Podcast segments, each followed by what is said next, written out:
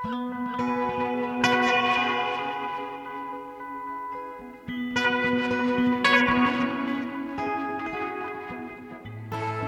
sæl og blessuð við sjá helsar á getur hlustendur. 5. daginn 12. november. Skærulegarnir hafa umkringt vatnaskó. Eiturgræn augu lauruglufóringjans elda mig millir húsa Fantómas með fjólublátt höfuð vitjar mín í draumi og Hamlet kemur úr hasarblaði með 19. tauga áfallið á hælunum.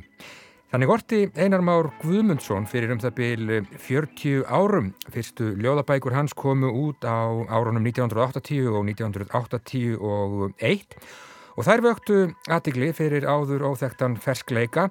Þetta voru bækurnar er nokkur í koronafötum hér inni, sendisveitnin er einmanna og Robinson Crusoe snýr aftur. Þessar bækur eru nú komnar út í einu bindi og af því tilhefni Ætlum við með einari, svo sem eins og einn 40 ár aftur í tíman við eigum stefnumót við hann ekki í vatnaskógi sem að skærulegarnir hafa auðvitað umkringt heldur í Vasmírinni. Við ætlum líka í viðsjá í dag að ræða við Þórdísi Gísladóttur, skáld og þýðanda um heimsins fyrðulegasta fisk Álinn. Álabókin eftir Patrik Svensson sló í gegn þegar hún kom út í Svíþjóð í fyrra vann hinn virtu Ógúst Verlaun og kom nýverið út í íslenski þýðingu Þórdísar. Í bókinni fléttar höfundur sinni eigin sögu saman við sögu Álsins og fjallarum dularfulla náttúru hans og tengsl við menningu okkar mannana. Greta Sigriður Einarstóttir, hún ætlar að fjalla um já, fjárframlög til menningarmála í pisli sem að ber yfirskriftina Brauð og Rósir Og Otni Eir Ævarstóttir, reithöfundur, hún hveður sér hljóðs í viðsjá í dag og talar um skamdegis sól, meira en um það síðar. En það er ekkert töff að vera til, allir sigrarnir sem við töpuðum í rauðveigu myrkrinu eru fyrir bí, byltingin er á bömmir og frelsið er bara flip. Við byrjum hér og nú og við byrjum fyrir svo sem eins og 40 árum.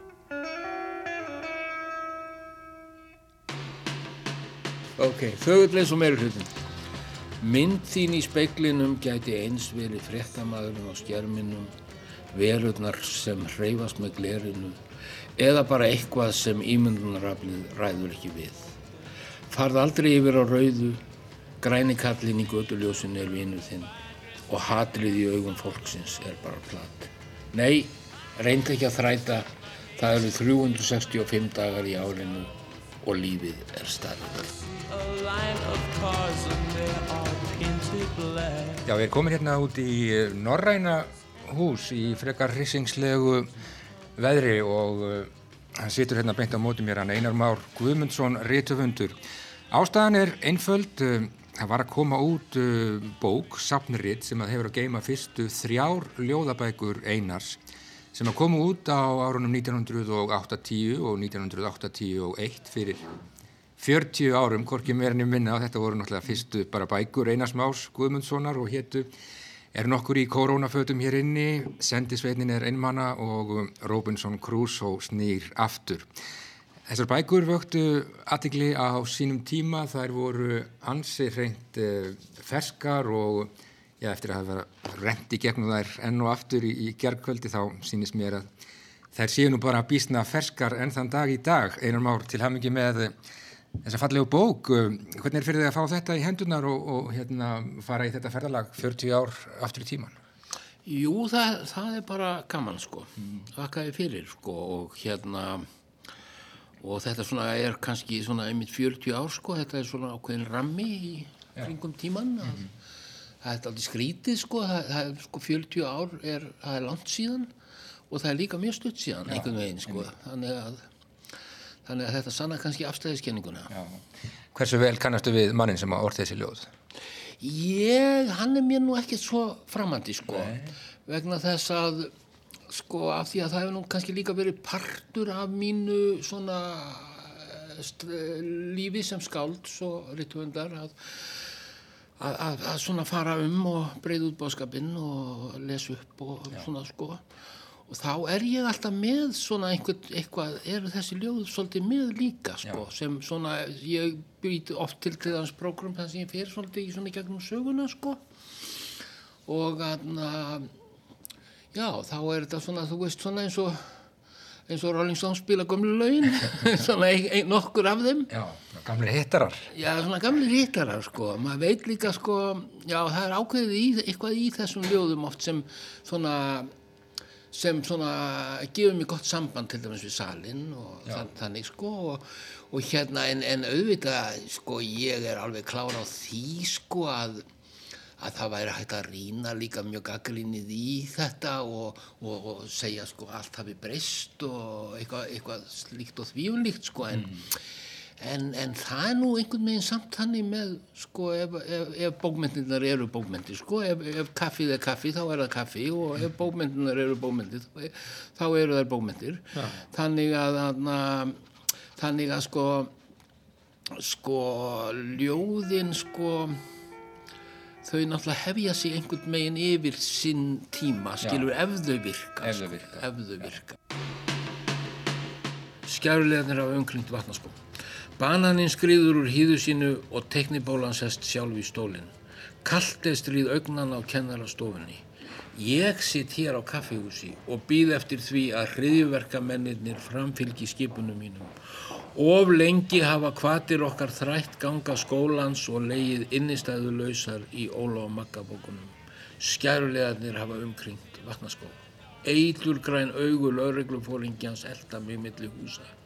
Fantómas með fjólublott höfuð vitjar mín í draumi og Hamlet kemur úr hasarblaði með 19. tauga áfallið á hælunum. Skærulegarnir hafa umkringt vatnaskó.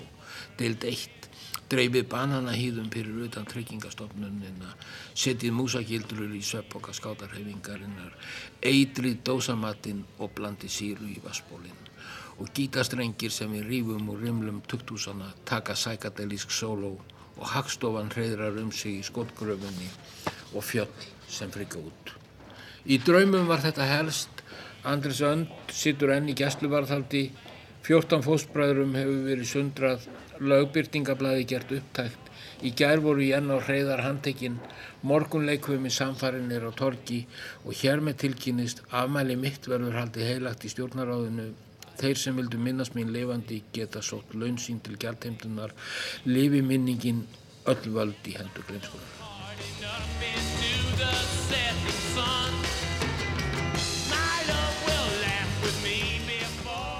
En þú ert nú eiginlega bara einar eða varst eh, bara mættur á svæði þarna með þessum bókum og það er þessi tótt komin sem að, sem að svona hefur einkent held ég bara allt þitt, þitt höfundarverku.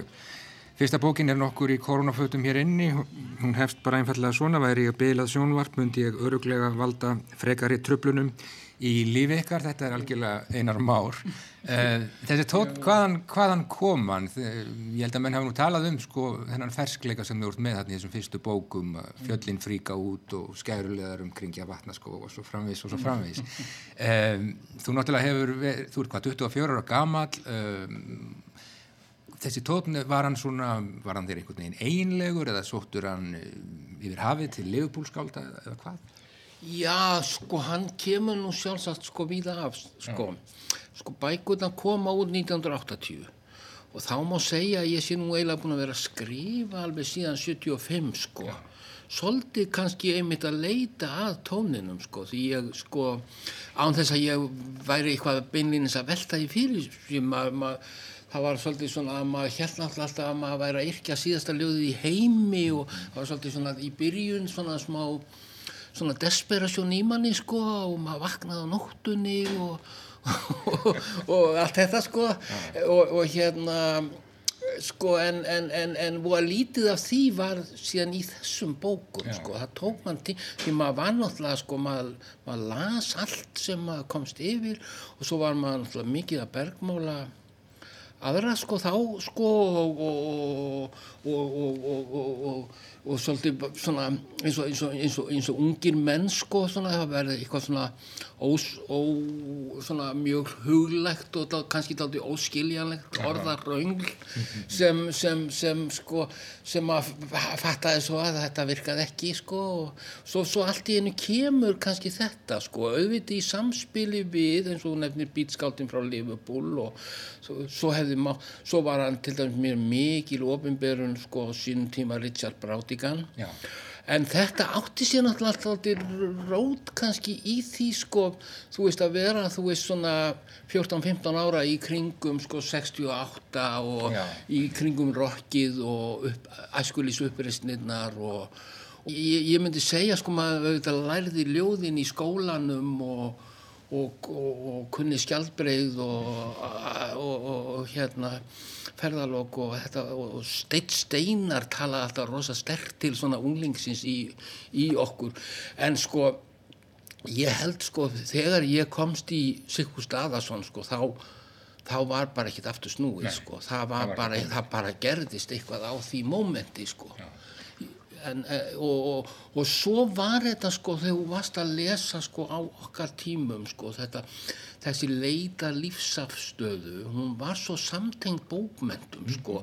Alveg svo Haldur Lagsnes og sosialismin og, og svo voru náttúrulega sko á þessum tímum sko þú veist þetta var svolítið sko það var svo mikið sko sko rótækni til dæmis sko sem var í loftinu sko kom sko eins og með Rolling Stones og öllu þessu sko. Hún kom líka sko þetta var líka dagur Sigur og svona þóstill frá Hamri og og, og, og, hérna þannig að sko þessi tíma svona kannski svona svona mótuðu mann daldið í þessu sko. En sko þetta með, já, uh, rótæknina og lífsafstöðuna, þú ert nú í leðurjakka hér í Norrannhúsinu og þú varst í leðurjakka þá, þetta að fara, að vera svona ungur uh, og rótækur og já, kannski vilja breyta heiminum, uh, fara þá út í, út í sko ljóðlist, hvernig, sko, hafður, ykkur trú, eða hafður alltaf trú á því að, að, að ljóðið væri, væri svona réttur, réttur farvegur? Já, ég held sko bara sko, það, það, það er nákvæmlega þetta sko, þarna kemur upp ábyggilega inn ba bara, já, ég veit ekki hvort ég á að segja skólakerfið eða mamma eða sko, þú veist, það var einhvern veginn alltaf sko, ljóð skiptur rosalega miklu máli. Og, og, og, og þú veist sko, og, og hérna, og það voru svolítið svona, svolítið svona á þess, svona í, á þeim tíma sko, allavega svona skáldin höfðu svolítið svolítið sko orðin, Já. orðið sko. En maður var auðvitað að leita fyrir sér sko í Guðsbyggifélaginu og æskulisfylkingunni og Bahæjasöfnuðunum og þú veist það var allt sko þetta, þetta, þetta var svolítið svona fyrir, fyrir mér, en það finnst mér alltaf voða skrítið þegar fólk talar alltaf um sko, að það hef ekkert gerst á Íslandi fyrir bjórim að lifðu sko. þú veist sko af því, af því að þessi andlega sko og, og þetta var, eru rosalega forréttindi sko á vissan hátt að vera sko, sko Íslands skáld sko að, að hérna sko þessi skáldin sem voru þá eins og segjum eins og Sigfús Daðarsson, Jón Óskar og Hannes Sigfússon og fleiri þessi, þessi menn voru að koma með áhrifin ströymana úr öllum áttum sko. og, og hérna og hérna svo blandaðist þetta þessum, sko, þessum hei og þá var náttúrulega til dæmis eins og þetta núna, núna, núna, núna eru allir sko svo heitlaðir af uh, tónlist og sköpun hennar sko, en þá var hún svolítið svona lítinn hotnauða Já, sko, fyr, og þannig að, en þannig að þetta tengist svolítið saman í kollinum á, ég get sagt svona minni kynslu sko, við sjáum, við sjáum sko sama púðrið í Bob Dylan og þóstæli frá Hamri, skilur við, Já. en, en, en, en, en sko þetta David Bowie og T.S. Eliot. Já, David Bowie og T.S. Eliot sko, þetta, en þetta var ekkert sko sjálfsagt þá sko, er kannski þykir, þykir kannski ekkert skrítið núna sko. Nei. Uh, og þetta, að, já, þú nefnir það að, að þessar bækur hafa, hafi raun og veru aldrei, aldrei yfirgefið þig, þú, þú ferð þú fer með þær þegar þú ert að, að fara um, um löndin og, og, og, og lesa upp þannig að, þannig að þetta er uh, þessar bækur, þessar þrjár bækur þær eru standaðir nærri en þetta í dag Já, ég sko já og, og þetta er náttúrulega sko þú veist, maður yrkir ljóð og skrifa sögur en svo er líka það sem að maður, svo er líka, þú veist, þetta sem maður gerir, þetta verður svona saga sko.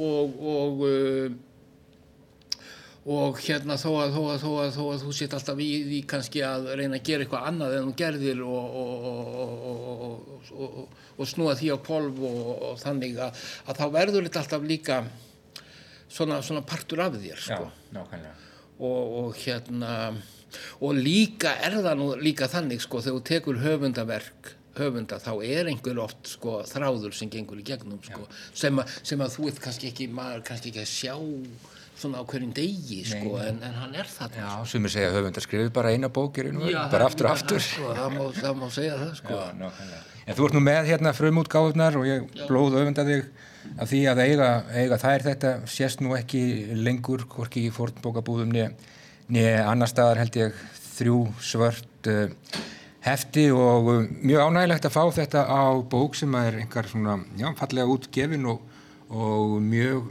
handhæg, ef ekki bara segja einar í lokin að, að þessi 365 dagar í árunu og, og lífi það sé starrend. Jú, ég held að það er, það er fátt annað að segja á þessum tímum. Nei, það er ennþá rétt. Koronafötin náttúrulega hafa aðra merkingu nú.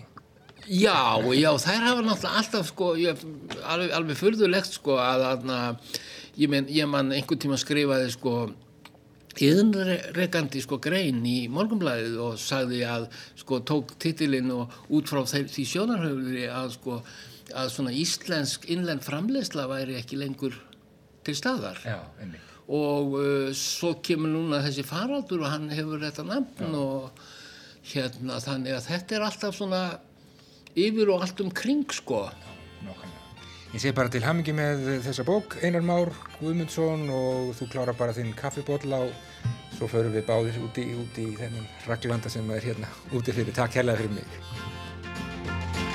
The guilty undertaker sighs, the lonesome organ grinder cries, the silver saxophones say I should refuse you. The cracked bells and washed out horns blow into my face with scorn, but it's not that way, I wasn't born to lose you. I want you, I want you, I want you so bad. Já, litill Bob Dylan á eftir einari má Guðmundsinni. Í draumum er þetta helst og svo framvegis. Fyrstu þrjár bækur einars komnar út í einu bindi er nokkur í koronafötum hér inn í sendisveitnin er einmanna og Robinson Crusoe snýr aftur. Bækur sem að komu út fyrir 40 árum á árunum 1980 og 1981 voru nýjar þá og eru það einlega enn. En þá ágetur hlustendur, brauð og rósir Greta Sigriður Einarstóttir. Í nýlegri grein um endurgreðslu ríkisins vegna kvikmyndagerðar setti hagfræðingurinn Eiríkur Ragnarsson fram vangaveltur um ferlið og ákvarðanatöku stjórnvalda. Greininni var svarað fyrir hönd yðnaðarins með þaul efðum raukstuðningi fyrir því að stuðningurinn borgaði sig. Umræða um ríkistyrki til menningar myndu mig á að ekki er langt þanga til að við þurfum að ganga í gegnum hið árlega kvalræði sem er umræða um útlutun listamannalauna. Eftir hana göngum við yfirleitt öll frá borði aðeins reyðari en við komum að því en annars breytist fátt, hvorki til eins betra nýja verra. Mig grunar að fólk sé þrátt fyrir allt á sömu blaðsíðu en orðaskakið skipti því í fylkingar.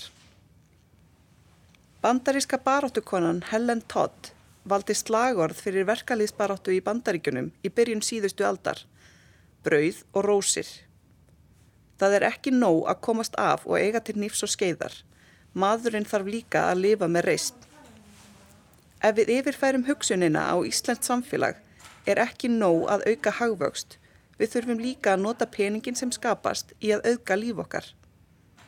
Um þetta eru flestir sammála. Við viljum bæði brauð og rósir. Svo ég vitni í grein Eiriks, þó orðin séu kannski ekki jafn hrífandi og bandaríska slagorðið. Sjálfur tel ég að án ríkisins verði of lítil íslensk dægurmenning til en er samfélagslega ákjósanlegt. Í lögum um endurgreðslu til kvikmyndagerðar segir að tilgangurinn sé að stuðla að eblingu innlendrar menningar og kynningar á sögulandsins og náttúru með tímabundnum stuðningi við kvikmyndir og sjómasefni sem framleitt er hér á landi. En af hverju þurfum við innlendan kvikmyndaiðnað og menningu yfir höfuð? Væri ekki best upp á Excel-skjalið að útvista svona vinnu til Hollywood þar sem sólardagarnir eru fleiri og jafnari og aðstæður henda betur til kvikmyndagerðar? Við styrkjum innlenda yðnaðinn til að fá efni sem hendar okkar þörfum. Kvikmyndaefni sem fjallar um okkar raunveruleika eða í það minsta raunveruleika einhver sem við gætum rekist á úti í búð. Við viljum líka að einhver hér á landi sinni því að framleiða eitthvað sem þjónar okkar þörfum. Þarfir okkar snúast ekki bara um list sem endurspeglar okkur, heldur líka fjölbreytni, list sem höfðar til storra og lítilla hópa og líka byrjendaverk með möguleika á að þróast yfir í eitthvað meira. Síðast en ekki síst gefur það einstaklingum sem vilja starfa í spennandi yðnaði tækifæri til að vinna við greinina. Þó sé óhagkvæmara að skapa listir hér á landi en í stærri ríkjum er það ekki atvinnubóta vinna, heldur nýtur þjóðin góðs af því á marga mismunandi vegu. Ef fjennu er rétt varið, nýtist það í meira en framleiðslu á einni sjónvarstáttaröð. Fjennu er ekki öllu varið í innlenda framleiðslu, heldur fer stór hluti þess í að laða að erlenda kvikmyndagerðarmenn sem vinna með íslensku fyrirtækjum. Að byggja upp þekkingu, aðstöðu og búnað á Íslandi stuðlar að því að tækifærin verða fleiri. Hagfræðingar benda á að það geti verið neikvægt að hyggla einni atvinnugrein mikið umfram aðrar.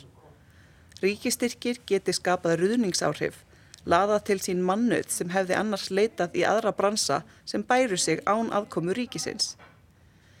Ég hef ekki greiningar á fjárhagstöðu innlendrar menningar tiltækar en ætla að leifa mér að fullir það að fáir séu starfandi þar af því það sé svo mikil gróðavon.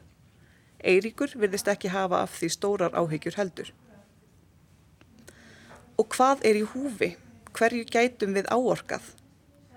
Þegar Íslandingar komist fyrst á Evrópumót og síðar heimsmeistaramót í fótbolta, trúðu margir áhugamenn varla sínum eigin augum. Var þetta lið frá sama landi og það sem eitt sinn hafði tapað 14-2 fyrir fyrrum herraþjóð? Á milli sögulegs taps og sögulegs árangurs voru margir áratugir. Á þeim tíma var lögð vinna og fjö í að byggja upp aðstöðu fyrir íþróttaiðkun. Inni vellir og gerfigrasvellir voru byggðir og íþróttaiðkun var markvist haldið að ungmennum. Í dag blómstrar íþróttaiðnaðurinn á Íslandi þó ennfái hann ríkulegar fjárveitingar og styrki og næsta dagskrá er að byggja nýjan þjóðarleikvang. Kvikmyndaiðnaðurinn og fóboltinn eiga margt sameinlegt, spennandi starfsvettvang fyrir ungt fólk með stjörnur í augunum og afþreyingu fyrir fjöldan. Tónleistariðnaðurinn barðist fyrir sínum þjóðarleikvangi stærstan hluta 20. aldarinnar. Þeirra laugardalsvellur voru hljómskálinn og háskóla bíó en þau fengu að lokum hörpuna. Kostnaðarsamur rekstur hörpu hefur oft verið gaggrítur. Þegar fólki finnst eitthvað ofdýrt er hinn hliðin svo að því finnst það ekki verið að fá nógu mikið fyrir peningin. Sumir hafa það á tilfinningunni að harpa sér spari og helst fyrir fólk sem kunni að meta fína menningu eins og sinfoníutónlist og óperur. En harpan þjónar hagsmunum fleiri en aðdáenda klassískar tónlistar. Sjálf hef ég mun oftar farið í hörpu til að sjá erlenda sem og innlenda dægurtónlistarmenn, uppistandara og jafnvel dragdrottningar leika listir sínar. Fólk sem annars hefði síður lagt leið sína til Íslands. Í hörpu hef ég farið á bókamessur, matamarkaði, tónlistarháttíðir og ráðstefnur sem annars hefði verið erfitt að finna stað. Fæstir þessa viðburða voru spari og svo starfsemi sem helst hefur skilað fjö í ásreikninga hörpu telt varla til mjög hárar menningar. Það er að bjóða ferðamönnum skoðunarferðir og sér hann aða landkynningar dagskrá. Hvað eru við að kaupa fyrir vermiðan á hörpu? Jú, við erum að fá aðstöðu til að gera meira en við gátum áður. Við sem samfélag þurfum á listum, menningu og íþróttastarfi að halda og hagsælt síðustu ára gerir okkur klift að láta það raungerast. Heimsfaraldur hefur mynd okkur á hversu mikils virði þetta er. Við höfum ákveðið að almannafje verði varið í að styrkja uppbyggingu í þessum geira og fjárfestingin skilar sér tilbaka í fjölbreyttara hagkerfi og betra samfélagi. Við verðum hins vegar að geta talað um í hvað fjöð er að fara og hvernig það nýtist okkur öllum sem best. Þetta er ekki spurning um hvort við þurfum hörpu eða þjóðarleikvang.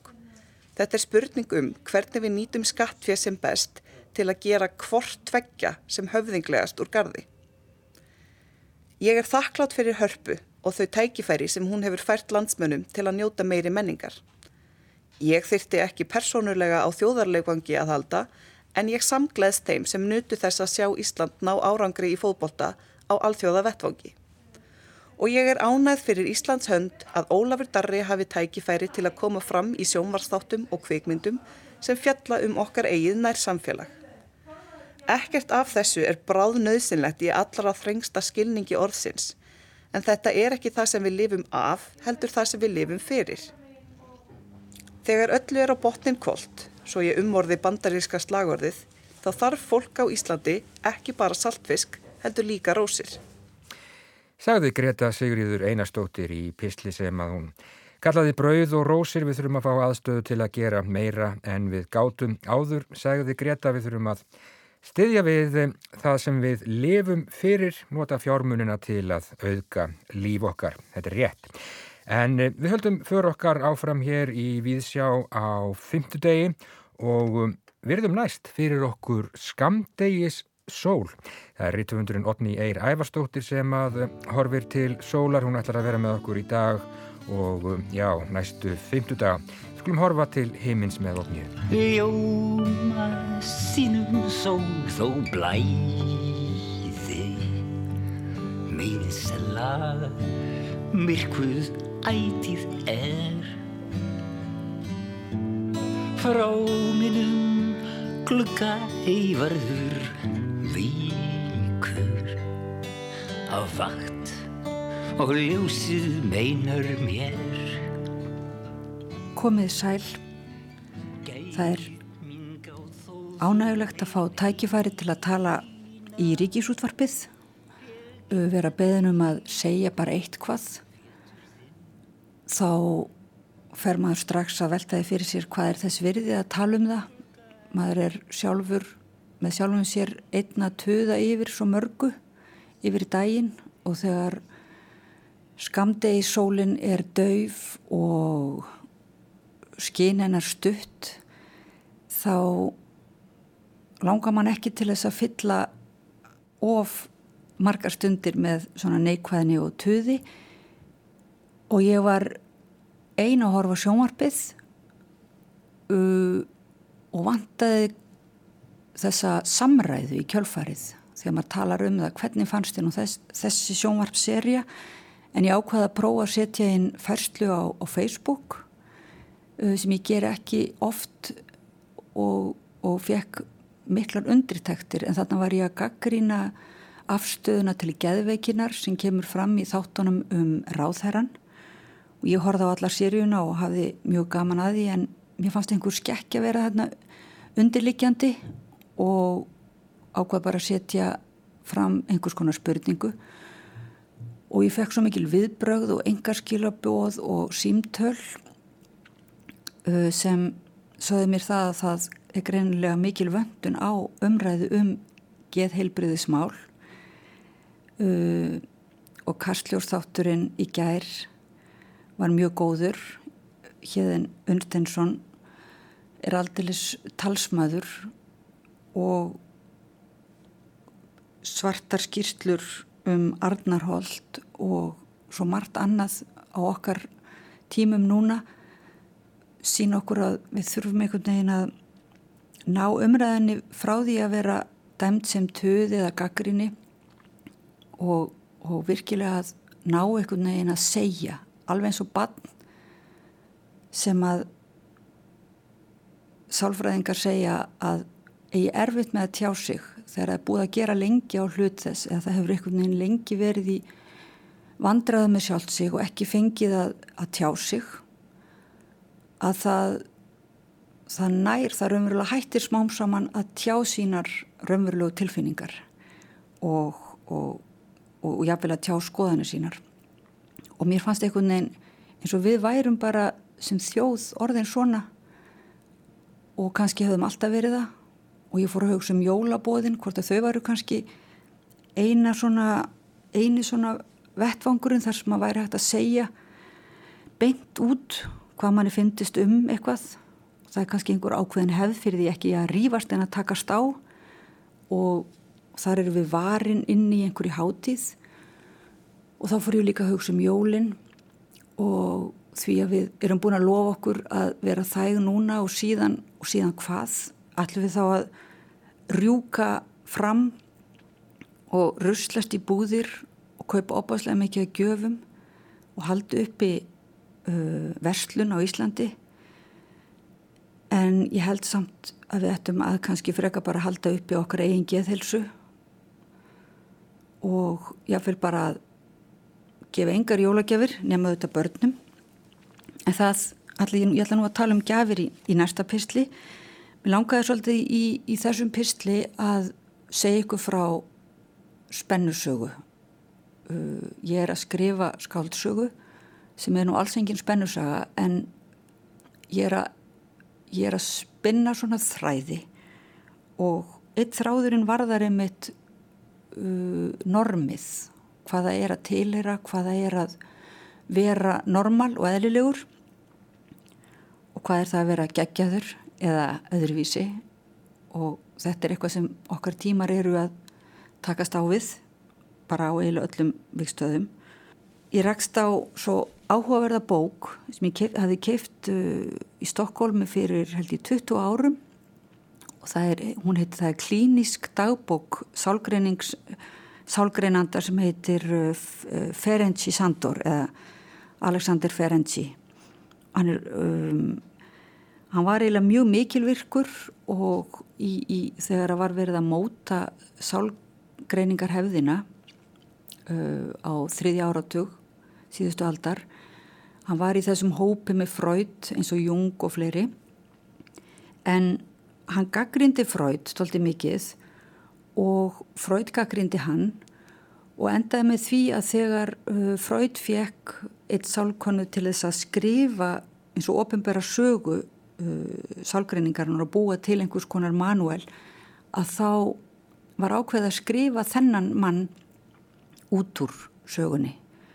Og uh, ástæðan var svo að hann hefði látið samkendina hlaupa með sig gönur en raunverulega eru til mögnuð bref og þessi uh, klíniska dagbók þessa manns þar sem hann er að réttlæta þessa aðferð og Judith Dupont segir í formála þessari bók að Ferenczi þóri að heyra og þóri að tjá tilfinningar, hugmyndir og innsægi Hann þóra að tjá næmi sitt sem alla jafna er svo erfitt að koma í orð.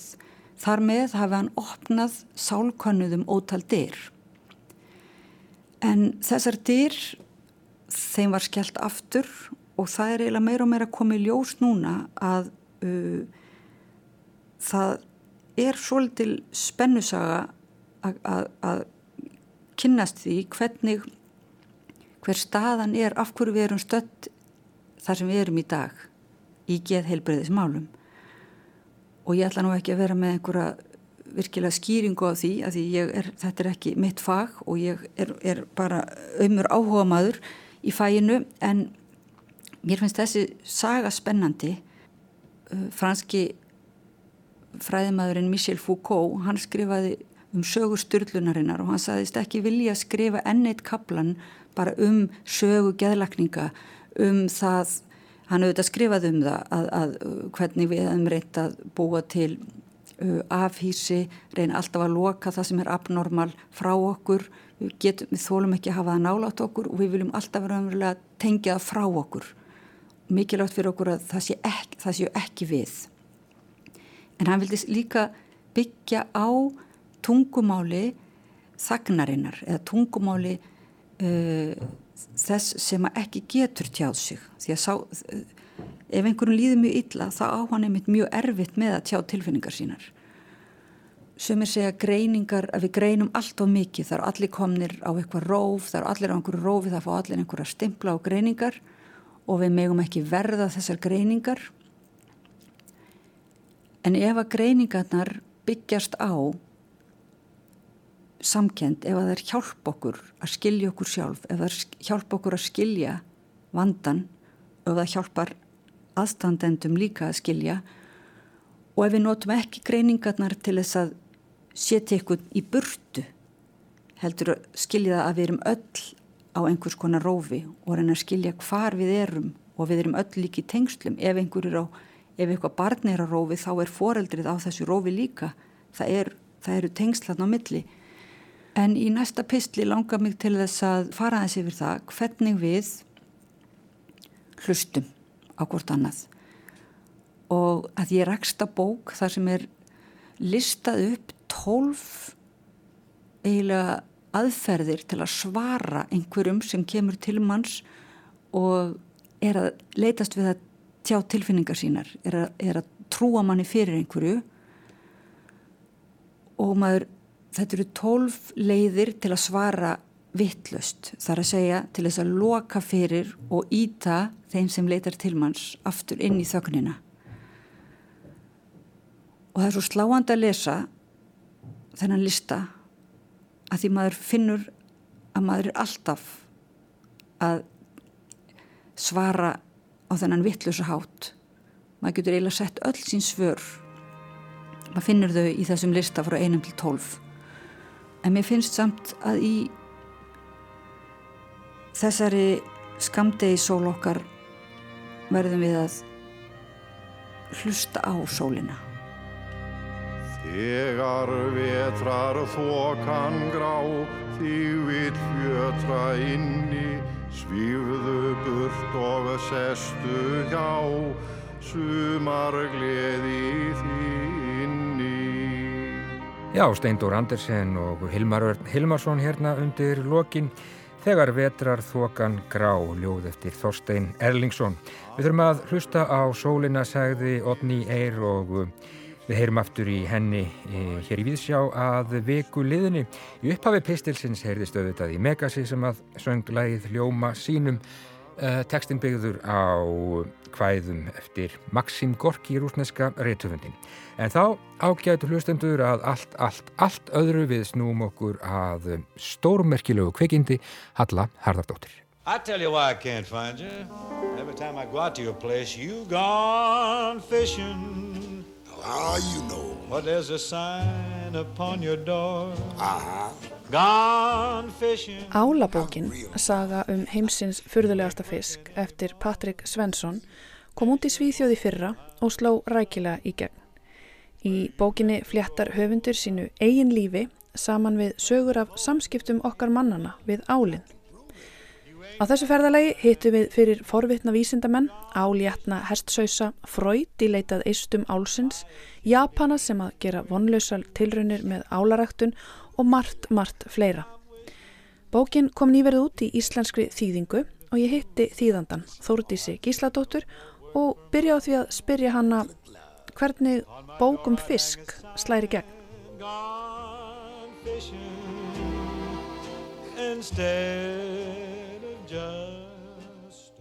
Já, uh, þetta er náttúrulega frábær bók en það er náttúrulega, kannski er þetta tími fyrir svona bækur, það, er aldrei kannski að komast í tísku svona alþýðlega fræðiritt sem að það sem að höfunduninn svona blandar líka sínu eigin lífi inn í hérna söguna en þetta er bara svo vel gert og þetta er svo áhugaverð, áhugaverð verð vera, állin. Mér fannst állin alltaf aldrei skrítin vera áður en ég byrjaði að lesa þessa bók og núna er ég eiginlega bara algjörlega uppnumin. Já, þetta er, þetta er svakalega, svakalega sérstakur fiskur. Hann náttúrulega fæðist og deyr þarna í þanghafinu og uh, leiðin úr hafinu og í þanghafið hafinu og, og í það aftur löng og, og hérna, mjög fyrðuleg. Þau getur orðið svakalega gamlir þessi fiskar, bara alveg ótrúlega gamlir, eitthvað hátt í 200 ára kannski og þeir, þetta er náttúrulega sko Þetta er hérna þannig dýr að e, það er óslulega erfitt að vita eitthvað um hann. Það var náttúrulega hafa búið að rannsaka reyna mikið að rannsaka hann og það gengur bara mjög illa.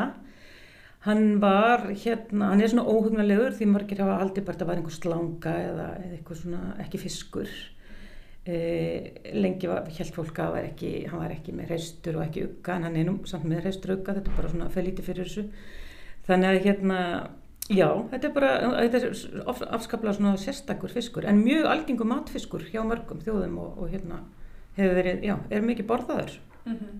Og svo er náttúrulega öllin, e, hann er núna í útrýmingarhættu bara út af því hvernig maðurinn kemur fram við náttúruna. Og það er volið erfitt að gera eitthvað við því því við vitum svo lítið um hann, það er svo lítið vita uh, þú veist, hva, hva, hvernig þangafið er mjög erfitt að rannsaka það er mjög erfitt að að hérna einhvern veginn það, það, veist, það er erfitt að vita hva, hvað er eiginlega í gangi en, en það er alltaf að vita að, álunum fækkar eins og mörgum dýrategundum og hann notar hérna segir svolítið mjög skemmtilega sögur af dýrum sem hafa dáið út af völdum manna, dúdúfuglin og, og steller, sækýrin og fleiri dýr sem ég vissi ekkert um fyrir en ég las þessu bók. Og það er líka svo skemmtilegt við þessu bók að hérna bara ég, maður fer svo við það, þú veist, e, Sigmund Freud var að rannsaka ál í Trieste sem er hérna á Ítalið, einhverstað náttúrulega Slóiníu og þegar því að þann kabla þá er ég skindilega bara dottin út og fann að lesa allt um Trieste. Svo hérna fer maður að lesa um hérna Mayflower og einhverju skip og þá, þá er ég komin í að það ég var fórin að lesa hérna, ummyndanir eftir óvít á einhverju tímabili sko, af því það hann er að fjallin það. Hann er mikið að svona, já, seg frá ymsu sem gerist í biblíunni þannig að maður fyrir að lesa það. Og síðan er það bara með mjög mikið að svona vísindum. Sem sagt, eh, segi frá rannsóknarferðum Jóhannes Smith sem var Dani sem að hérna eh, var sjáleifræðingur og, og rannsakaði ála. Hann var lærifæðir hérna, íslenski einna fyrstu Bjarni Sæmundsson held ég íslenski fiskifræðingur kom hingað, erna Jónas Smith kom ofta, sendur ekki nú það í bókinu en ég var búin að, veist, komast að því á einhverju stíðmálsins já, svo er hann að segja frá fle, svona fleirum sem hafa, hafa hérna, vísindamönnum sem rannsökuða ála og varðin alveg merkilega lítið ágengt, það er málið sko. Já, en þann dag í dag vitum við ekki eins og hvernig þeir makast eða, og það er ekki hægt að rekta þá að því að leiður reynir að fanga þá og taka það úr náttúrunni þá bara degja þetta, þetta er alveg makka. Það, það er máli, það er eins og sé, það er, er mjög mikið verið að reyna að rækta á í, í hérna, það er að halda sko li, uh, svona svolítið stórum ál lifandi mjög lengi í fiskabúri, það gerist ekkert og það sagða þarna með um einn ál sem var í, í brunni í einhver, einhver ára tögi og eins ein, einhverju búrum og þá, þá hérna hætti bara, hætti bara stekka og þróskast og staðunni bara einhvern veginn. Mm -hmm. uh, augunum stekkaði það mikið myrkur en En það er ekki sko að reyna að taka seiði og ala þau upp, það er mikið búið að, mikið búið að vinna í því en það gengur rosalega illa. Mm -hmm.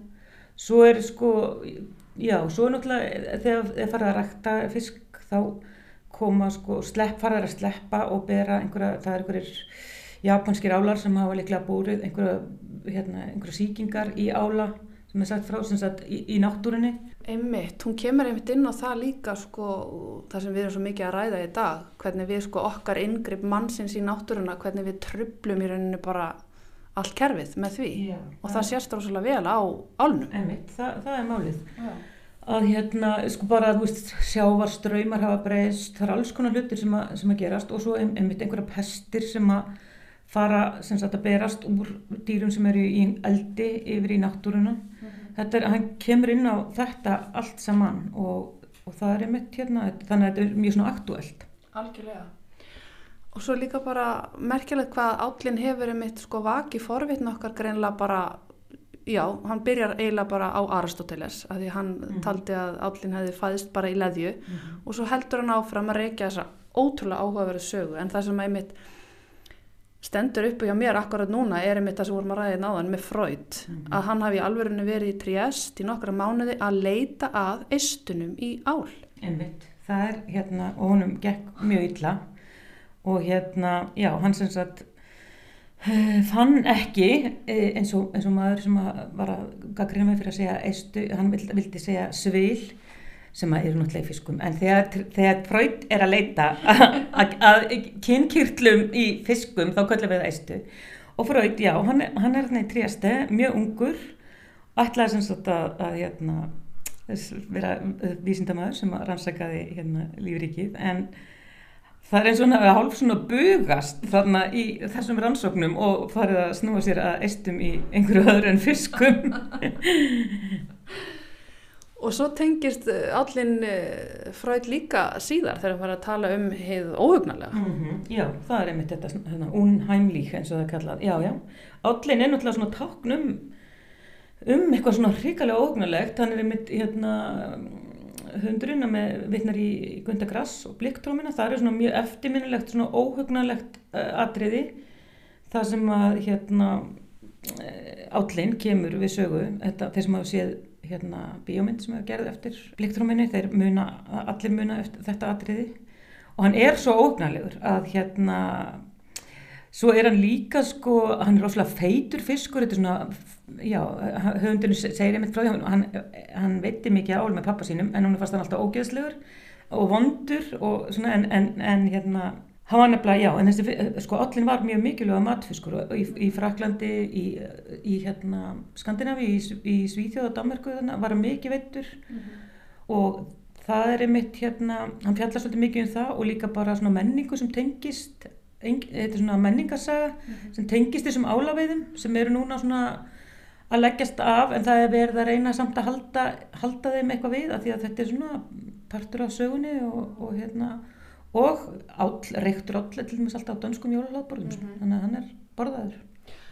Einmitt, hann uh, talar um þessar álafiðar bara eins og svona menningaverðmætti sem þurfi að varvita og er einmitt verið að varvita og það er um það sem er áhugavert fyrir þetta bóka, hún hefur sko hún hefur um, slegið ykkur tón bæði hjá umhverfisvendarsinnum og líka hjá fólki sem að er að veiða. Hún, svona, hún hefur vakið aðtegli begge hópana, fólk sem að vill halda áfram að veiða en líka fólk sem að vill hætta að veiða og bara friðan algjörlega. Og það er vegna þess að hann, hann eh, næra að skrifa þetta eitthvað svo fallega hann hátt. Já, hann, minna, hann er að segja hérna frá pappa sín sem var áhuga maður um veiðar og bæði fiskveðar og hann fó líka í einhverja svona skotveðar en hann er mitt veiti, já, svona ok, ein leið til þess að náttúrulega afla sér matar, þetta var bara svona fátækt fólk sem að, hérna, upphaflega, en hann kom svona og verka líst ett og mamma svo er eitthvað vinnukonna og hérna þau borðuðu ál bara því að, því að hérna það var næring, en líka þetta með að að hérna, já, róa á litlum bátum og veiða fisk og þetta er bara eitthvað svo fallegt og, og hérna eitthvað svona sem fólk gerir. Og,